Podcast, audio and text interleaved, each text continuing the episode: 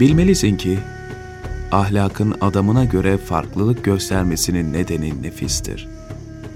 Nefsin üç gücü vardır ve onlara da nefis adı verilir.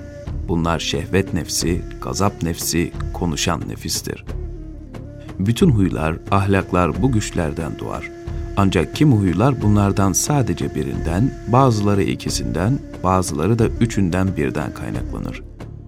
Ayrıca nefsin sahip olduğu güçlerin bazıları insanda bulunduğu gibi hayvanlarda da bulunur. Bir kısmı ise sadece insanda vardır. Şehvani nefis hem insanda hem de hayvanda vardır. Bütün cismani lezzetler ve şehvetler bundan kaynaklanır.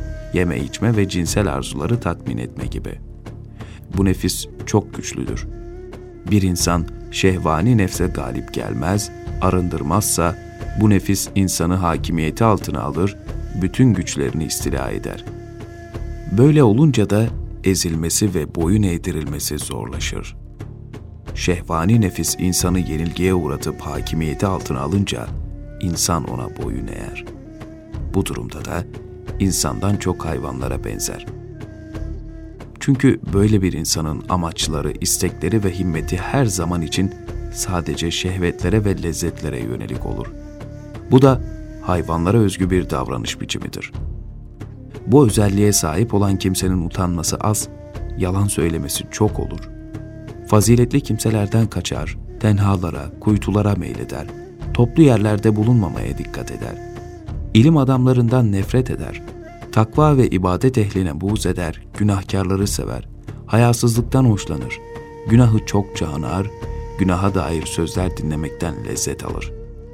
Sefihlerle oturup kalkmaktan zevk alır.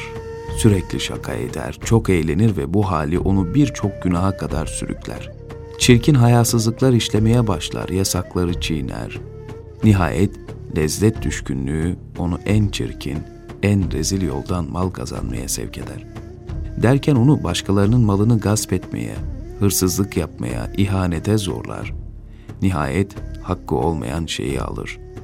Çünkü zevk duygusunun ne malla ne de eşya ile tatmin olması mümkündür.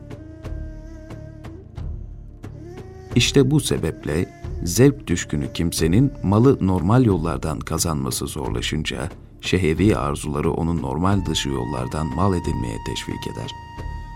Bir kimseyi şehevi arzuları bu noktaya kadar sürüklemişse o, insanlar içinde durumu en kötü olanıdır. Şerli bir kimsedir. Böyle kimselerden korkulur, onlardan kaçılır, onlardan uzak kaldıkça huzur bulunur. Yönetim mevkiinde bulunanların bunları tedip edip uzak tutması bir sorumluluktur.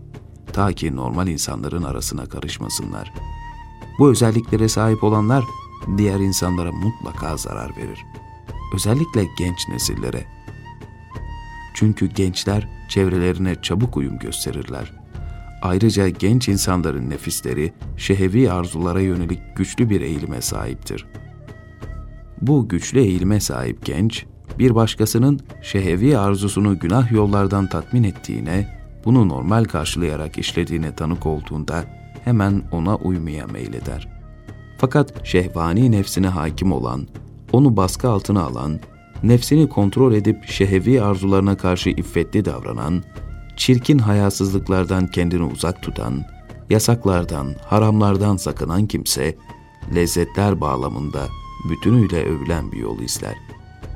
Şehvet ve lezzetler hususunda insanların alışkanlık ve davranışlarının farklı olmasının, kiminin iffetli, kiminin de hayasız günahkarlar olmasının illeti, şehvani nefislerinin durumlarının farklı olmasından dolayıdır. Şöyle ki, şehvani nefis arınmış ve terbiye edilmiş olduğunda, sahibi iffetli ve nefsini kontrol eden biri olur. Şehvani nefis ihmal edilmiş, koy verilmişse sahibine hakim olur ve bu nefsin sahibi kötü bir günahkar olur. Şehvani nefis orta halli ise yani kimi zaman kontrol altına alınabiliyorsa bu nefsin sahibinin iffetteki mertebesi nefsini edeplendirmesinin mertebesiyle orantılı olur. İşte bu yüzden insanın şehvani nefsini edeplendirmesi, arındırması, dolayısıyla kendisine boyun eğmesini sağlaması gerekir.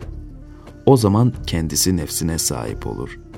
nefsini zorunlu ihtiyaçlarda kullanırken, zorunlu olmayan arzulardan, aşağılayıcı lezzetlerden, hayasız zevklerden de alıkoyar.''